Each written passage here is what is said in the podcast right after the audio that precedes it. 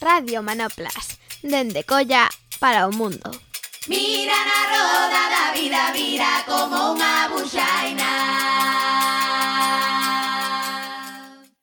Benvidas a Radio Manoplas, estamos nun novo falangullo e nesta volta temos con nós a Paula Verde Francisco. Hola, Paula.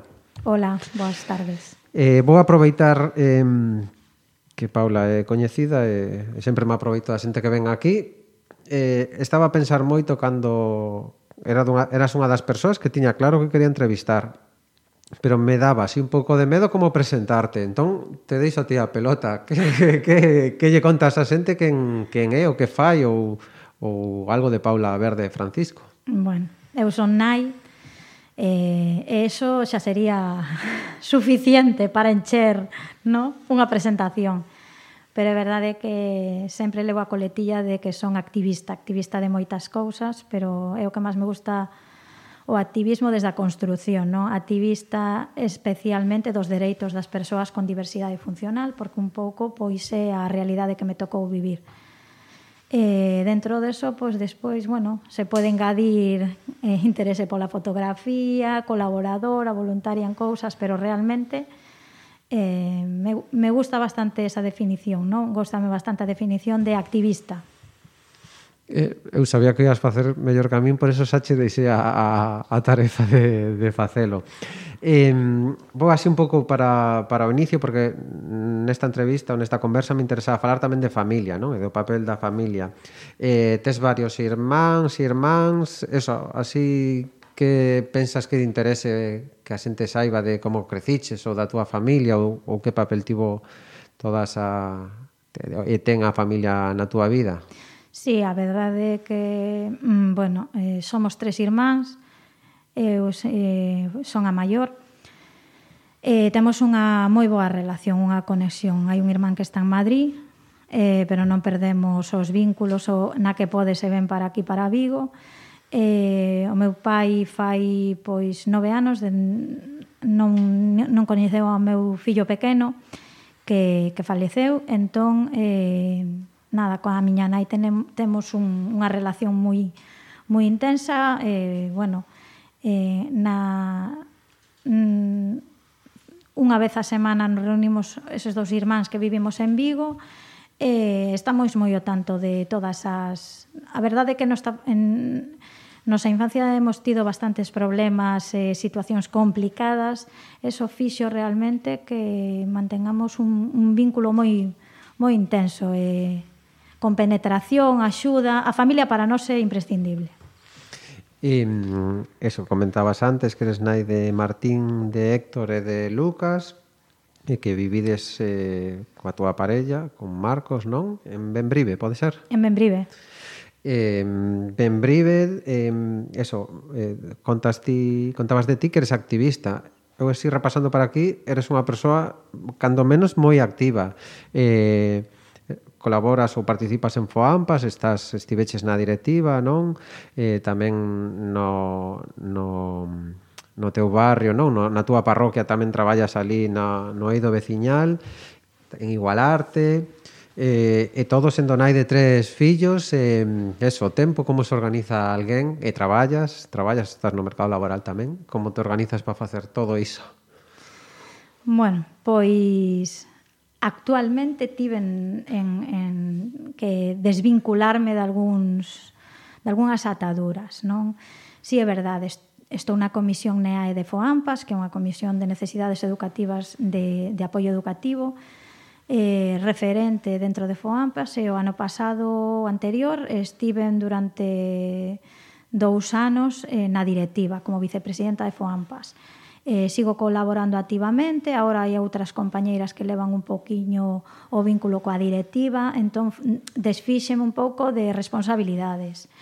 Eh, como forma parte do AMPA, que este ano tamén é outra cousa que deixei un poquiño aparte, para mí é fundamental Mm, que persoas que temos unhas determinadas características ou vivencias familiares estemos presentes, porque o ser e o estar é imprescindible. Entón, que pasa? Estar como vocal neae dun AMPA pois eh, é un plus. Eh, ti tes moita información, sabes por onde desenvolverte, entón eh, axuda a moitas familias. Eh, entón, esta era unha maneira tamén de formar parte da, do centro no que están os meus fillos e, a vez, eh, eh estar precisamente na, na AMPA eh, a entidade menor de Benbrive, que, que é unha entidade, bueno, ten, ten pedanía, ten alcalde propio, pedía colaboración e sempre, de sempre dimos esa colaboración. Festa da Sidra, carreira nocturna, andainas e demais. Entón, bueno, pois sí, tamén na que podía. Todo isto fixen o fago porque a miña parella é unha persoa 50-50 e que cando non estou eu, pois se desenvolve con cos meus fillos mmm, igual ou mellor que a min. Entón, eh, por eso podo, podo manexarme. Agora el está metido noutras guerras tamén e necesita que eu faga o soporte que el solía facer pero si logo igualarte, pois o meu fillo vai igualarte, entón, bueno, pois agora surdiu aí a posibilidade da, da colaboración con eles, encantada da vida, hasta, hasta que me dé o tempo. Eh, un dos temas así que me interesaba era falar eh, eso, eh, eh, un dos teus fillos, Héctor, eh, ten o que a lei de educación eh, nomea como necesidades educativas especiais eh, antes de, de gravar isto lembraba que a primeira vez que te coñecín, eu sabía que quen eras, pero a primeira vez que te coñecín e que estiven nun espazo contigo foi nunhas jornadas que organizara unha entidade que se chama Andaina en Chapela era unha mesa de experiencias e ti estabas eh, no? falando eh, da, da túa vida e logo estivemos a tomar un café con Marta, con algunhas compañeiras. Para min, ese primeiro encontro contigo, se eu tivera un dicionario na miña cabeza, ao lado da palabra agotada, estaría a túa cabeza. E quedei como moi marcado pola cara de cansanzo, que era agotamento tal cual, e que estaba moi fiado coa historia que estiveras a contar antes na mesa na, na mesa redonda, unha mesa aberta. E, eso, algo que quería falar era no teu día a día condiciona moito dende hai moito tempo eh, para ben vivir con Héctor e co resto de fillos dende algo que, que é moi importante, non? Eh, loitar no día a día, no sistema educativo, en máis sistemas, para que vivamos en sociedades que acollan a diversidade eh, en igualdade de dereitos, non? Eso, como vives iso? Eu creo que agora que te ves o máis acotío esa cara de agotamento desapareceu ou está máis... Eh, non, non pesa tanto, pero Eso, como levades o día a día nese, nese traballo, nesa loita? Bueno, pois serán épocas. Eh, o meu fillo tamén tamén vai madurando. Naquel vai madurando, pois vamos collendo mm, avanzando con el. El vai collendo experiencias, nos aportamos cada vez máis, eh, temos máis recursos para solucionar determinadas situacións complexas, Entón, sí que hubo momentos pois de falta de, de sono, momentos de rabietas fortes, é un rapaz eh, con unha dependencia moi grande por, por el non ten conciencia dos peligros, dos perigros, el escapa, el eh, non entende o nome moitas veces, entón eh, é, é unha serie de situacións que en determinado momento da miña vida si foron mm, pois máis acusadas. Agora eh, tal vez eh, gestiono mellor esa parte, entón teño outra cara o mellor. Pero sí que é verdade que eso condiciona 100%, condiciona as nosas salidas, condiciona um, a nosa forma de vida, as nosas relacións, hai cousas as, as que non vamos porque mm, sabemos que non é beneficioso para ninguén, pero bueno, como ti decías, eh, eh, a for, o sea, además de que, hai, de que hai moitas cousas non que condicionan que podería pensarse en negativo nos mm, como familia e, e creo que é mm, fundamental é que somos capaces de ver todo o que nos aporta en positivo que, en, que na balanza pesa moitísimo máis. Entón eh, sin ir máis lonxe ir un, un en verano a praia eh, con, con eles, non é viable como o resto de seres mortais, non? Entón os meus fillos, os outros están tan acostumbrados que para eles xa non é, xa non disfrutan igual cando vamos con todo o mogollón. Eles disfrutan máis cando vamos a deshora. Entón é unha maneira de de habernos eh amoldado, digamos, a outra realidade que é a nosa, pero a nosa que nos que non non botamos de menos nada, que para nós eso enriquecedor.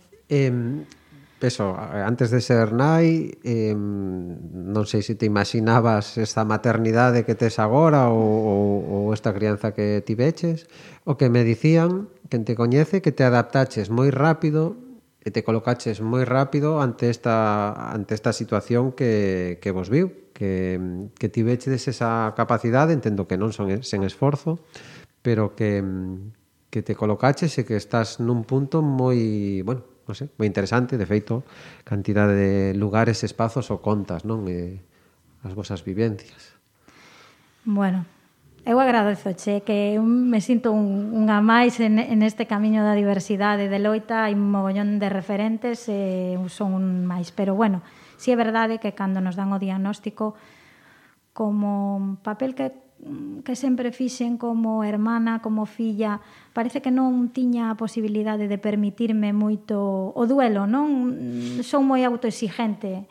Entón, eh, creo que enseguida puxen as ferramentas, eu miro outras outros duelos de outras familias e digo, pois eu non creo que non tiven como non me permitín chorar, se, se o tiven foi moi pouco tempo. Eu enseguida buscaba lembro unha frase que me dixo un neurólogo, eh, isto é que agarrar o toro polos cuernos, non? Eh, esa frase que non me gusta nada, pero eh, era como o, no, o, o afundimos no drama ou saímos pa diante, pois decidín sair pa diante. É verdade que teño unha capacidade son un pouco eh, espírito hiperactivo, entón eu non parei, busquei, revolvín, teño moitos contactos, algo que me caracteriza para ben en eso é que al final fío ben todos eses contactos e dou al, o mellor con...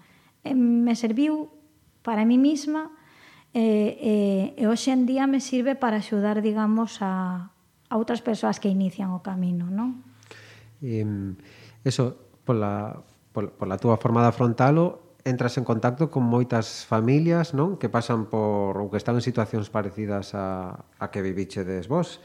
Eh, entendo que hai persoas que elevan estas realidades ou a convivencia con este tipo de rapaces ou persoas de modos moi distintos. Eh, e por iso entendo que estás na loita en Foampas e en outros espazos por, por mellorar non a sociedade que temos no sentido de acollimento á, á diversidade, non? E tamén para todo o mundo.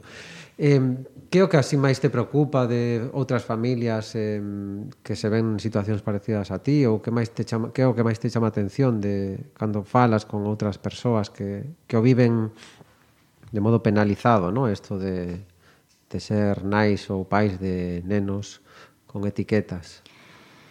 Para mí merece todo o mundo respeto, cada un ten a súa vivencia, a verdade que me, non me gusta para nada juzgar a ninguén. Eu mm, sí que mm, moitas veces por como son parece que son un pouco positivista demais, pero non é así. Eu creo realmente que a min a, natura, a natureza diversa do meu fillo transformoume como persoa. Entón, mm, eu fixen un clic en algún momento no que fun consciente de que todos os seres humanos mmm, non estaban tratados igual. Bueno, isto xa se sabe de sempre, pero visto desde a realidade da miña familia, no?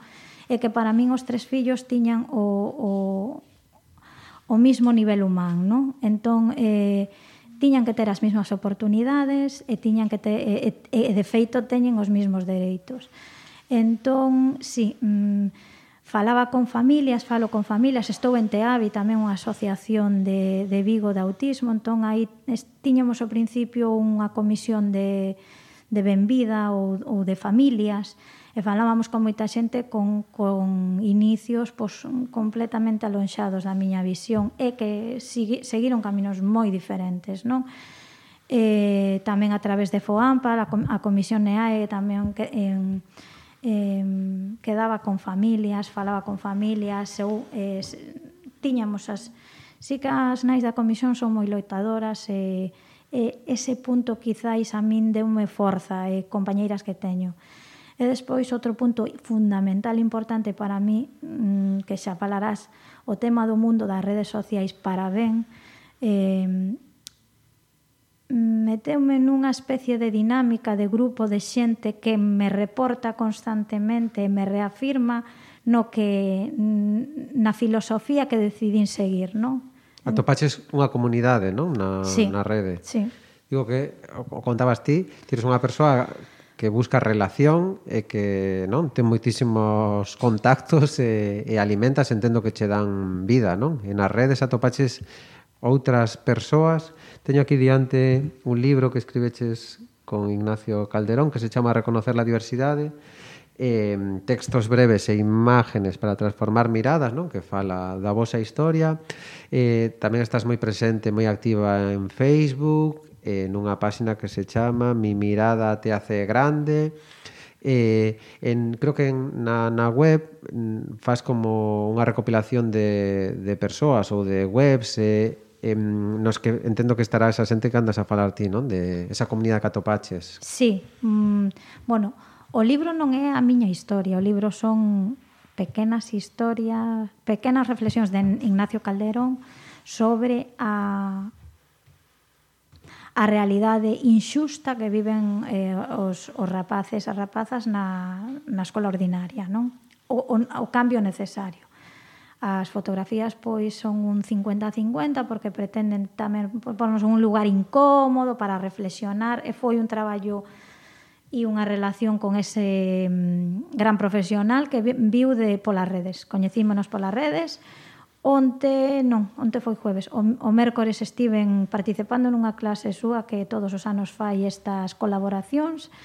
O sea que Esta, eh, quero decir que eso se nutre, ¿no? De, da mesma maneira que Cam, Carmen Saavedra, eh, Belén Jurado, despois outras persoas que non teñen páxinas propias, pero son as loitadoras Sandra Carrera, eh, ma, mm, bueno, ma, moitas persoas que formamos parte dun grupo eh, de traballo constante, eh, e que as redes mm, si, sí, a través da miña páxina si conto máis cousas, a fixen hace bastante tempo, fixen un, un amigo meu un voluntariamente ou de maneira totalmente gratuita. Entón, eh, había un apartado, hai un apartado na páxina que se chama Amigos. Eu puxen uns contactos ao principio, a veces intento editar esa parte, porque agora eu teño xa as ferramentas para editar eu, pero o que me dedico máis a editar é a parte de historias, que é máis como se fora un blog. E, entón... e toda esa parte que é así máis creativa, porque eh, faz moitísima fotografía moi coidada, algunha exposición, non? Ou varias exposicións a montaches, eh, que onde nace esa necesidade de nas redes eh, o que atopas ne, nese contar eh, a, a vosas vidas por que esa teima, non? Ou por que ese esforzo por facelo, por facelo diariamente e con moito cariño, con moito detalle, con moito traballo tamén. Pois, bon, isto tamén va na, na forma de ser de cada un, no? entón a tendencia perfeccionista de non facer calqueira cousa exactamente na, na, no círculo, pois me leva pois a lo, o mellor a facelo cada vez coidando máis os detalles, pois como cando me metín en fotografía para que as fotografías que fixera tiveran unha certa calidade. As exposicións son como un foco eh, eh, hacia a sociedade para chegar a máis eh, xente. E o, e o obxectivo sobre todo é mm, como dice como di Cristina de, de, de igualarte di que unha, que unha foto, eh, hai miradas que impiden que todo cambie pero hai imaxes que poden cambiar o mundo. Pois entón esa línea non E, e de onde xurde a necesidade? Pois que empezo a compartir así como que non quera cousa e ves que, que chega, que a xente lle interesa, que tes un feedback de xente interesante. Me está pasando agora mesmo con algunha cousa que estou compartindo co cambio a secundaria, non? Dixen que iba a compartir os pasos por Twitter e parece que de algunha maneira a xente ten a necesidade de coñecer realidades que non que, que son porque hai moi pouco referente. Entón, o, o, o cambio a secundaria é... En, entón, xurde a necesidade o que ti ves que a xente demanda, quere, e en positivo, sin ser, sin caer no, no mundo de que se critica tanto de Sí, porque o teu tono non é nada hater, non? De, mm, bueno, non sei, non é de mala baba o que pos, aínda que ás veces estás enfadada con moitísima razón, pero é un tono máis descriptivo moitas veces, non? É Sí, non. É de sumar, non sei como sí, explicalo. Non dá Hubo algunha ocasión co tema da realidade da que se intente, intentou dividir as familias entre as de educación especial, e educación ordinaria, un tema moi complexo no que non me gustaría caer na división porque as familias temos que sumar e, e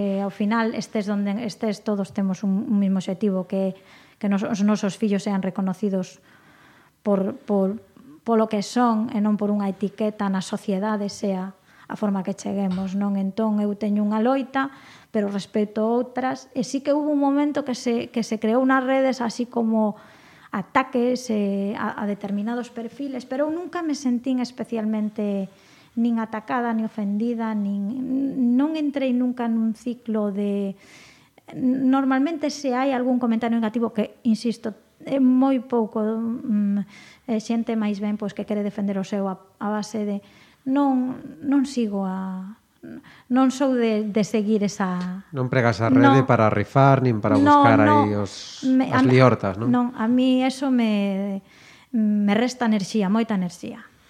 Contabas antes, eh, andas eh, preocupada eh, e eh, dedicando tempo a transición non cara ao instituto por parte de Héctor.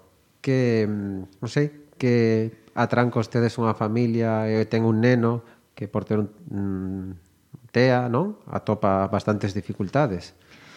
Pois a veces o penso e poñome triste, eh, que son unha persoa bastante alegre e positiva, porque como ben non me acha antes, teño tres fillos, o primeiro está en segundo de, da ESO, entón eu vin a, as posibilidades que tiven para escoller un instituto. Como que tiña un abanico, podía fazer un pouco que me dera gana.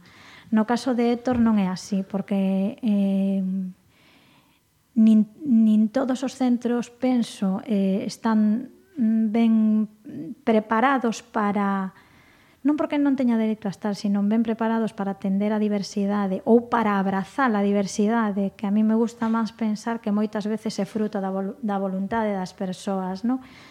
Entón o abanico se, se, se pecha moito eh, ten, temos que ir con lupa, temos que ir eh, un pouco coa cabeza agacha pedindo permiso, un pouco... Falabas, ou te lías estes días que falabas de que non querías mendigar, non querías pedir esmolas, digo, é que me parece que un, un verbo, unha atitude que en demasiadas ocasións as institucións e tamén a sociedade en xeral colocamos as, non? a aqueles que se escapan do normativo. Dame igual que, que sexa un neno con TEA, que unha persoa migrante chegada de outro lugar ou unha persoa que viviu unha precariedade toda a vida, non? E, e que ese esforzo de andar pedindo as molas é que ten que cansar moito, non? Moito, moito. É, é constante, o sea, Eh, temo, temos mm, pequenos detalles da escolarización ordinaria actual que realmente foi extraordinaria a todos os niveis, o sea, yo, eh, hoxe mesmo cunha orientadora falaba de co cambio que produxo que que Héctor fixo nese centro a nivel familias, a nivel compañeiros, a nivel eh, docentes, foi brutal. Entón, eso é o que quixera leva, levar eu co meu fillo a secundaria. Eh, pero mm, hai momentos tamén que non foron tan bons. Eh, eh, o centro tampouco estaba preparado, sin embargo, hoi, hubo moito profesional dentro que apostou por el. Entón, eh, constantemente teño que recordar que moitas veces son dereitos e non son o que teña un apoio dentro, o que teña un apoio para quedar no comedor, o que se non está o apoio, el ten igual o dereito que deben de solucionalo. Este tipo de cousas a mí cánsame, o sea, isto é agotador. Eh, na anterior entrevista que, que falaba con Carmen Boado, dicía que eh, as leis eh, no papel recollen abrazar, atender, apoiar a, a neces as necesidades educativas especiais, non? Eh, na túa práctica, eso o coñeces e o sabes, pero eu creo que só sodes exemplo de loita continua por lembrar, non, que o DOGA non é para metelo nun caixón, senón para que funcione, non, o, o as leis de educación. Sí, porque despois hai situacións nas que eso, falamos do coidador o auxiliar técnico educativo, que é o nome o nome correcto, que si falta, por exemplo, como se soluciona isto? Que marxen de tempo hai? Quen ten que cubrir iso? Entón xa que o leven pa casa, que hoxe non veña que o leven pa casa, non? Isto é un, unha práctica habitual habitual máis de que imaginamos. Entón, eh, teñen dereitos, pero nadie quer asumir as responsabilidades de alguna maneira e a administración ten que por as solucións inmediatas, o sea, eh, entón, si no papel moitas veces funciona moi ben o que, o que decimos, Pasa moito tamén, a, falábamos hace pouco cunha resposta que nos deron desde a Administración cos campamentos inclusivos. Os campamentos inclusivos é outra cousa Sí, pero non. Se si non sabe nadar que non veña, se si non é autónomo que non veña. Son inclusivos, pero ou non ata, son inclusivos. Ata un límite, non? son inclusivos, pero para este grupiño non. Entón xa non son inclusivos. Entón sí que hai, non hai conciencia realmente de un eh, para todos Eh, nada, imos ir rematando. Eu agradezo moitísimo eso a, a, xenera, a xenerosidade por estardes aquí, pero tamén por, pola dedicación e por como faz unha tarefa e cun tono que me parece, bueno, non sei, loable e moi necesario, porque a día de hoxe seguimos a vivir en sociedades que discriminan o que, o que se saia da norma. Para rematar con música, que como case sempre ou sempre se pecha este falangullo unha canción de alguén que che gusta a ti e que queiras que a xente que nos escoite que, que quede aquí con ela? Pois mm, unha canción que o teña claro desde o primeiro momento eh, chamase Centro de Pedro Pastor entón Pedro Pastor cedeu-nos esa letra para facer un vídeo precisamente nunha xornada que hubo de inclusión que fixemos cun, cunhas fotos que ucedín en un workshop en Málaga pero temos unha persoa das redes coñecida eh, Concha Casanova, que é coñecida de Pedro Pastor, e cedeulle a letra, o, eh, o sea, ele é autor, é del, pero sí que realmente eh, A letra significa moitísimo, a mente aberta, a pel dispuesta, e creo que hai que parar a reflexionar coa letra. Eu en 15 días vou ao concerto del en Vigo.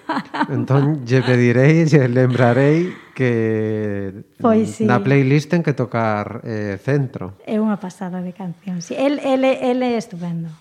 Pois nada, con esta canción de Pedro E rematamos, eh, nada, dándolle de novo as grazas a Paula por estes minutos de compartir e tamén por ese traballo diario que nos anima moitas. Moitas gracias, Paula. Gracias a ti, Diego, de verdad que un traballo fabuloso.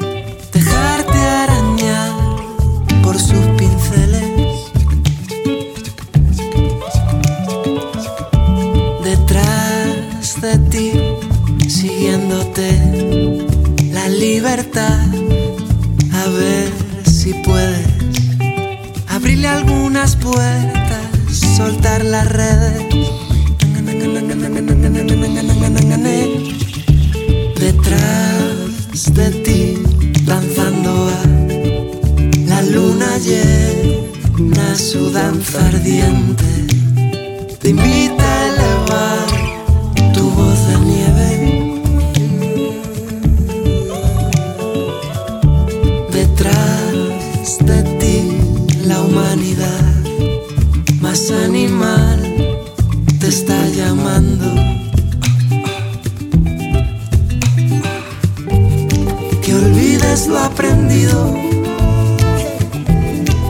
vuelves a sentir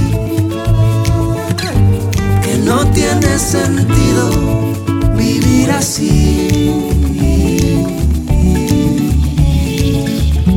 La mente abierta, la piel dispuesta,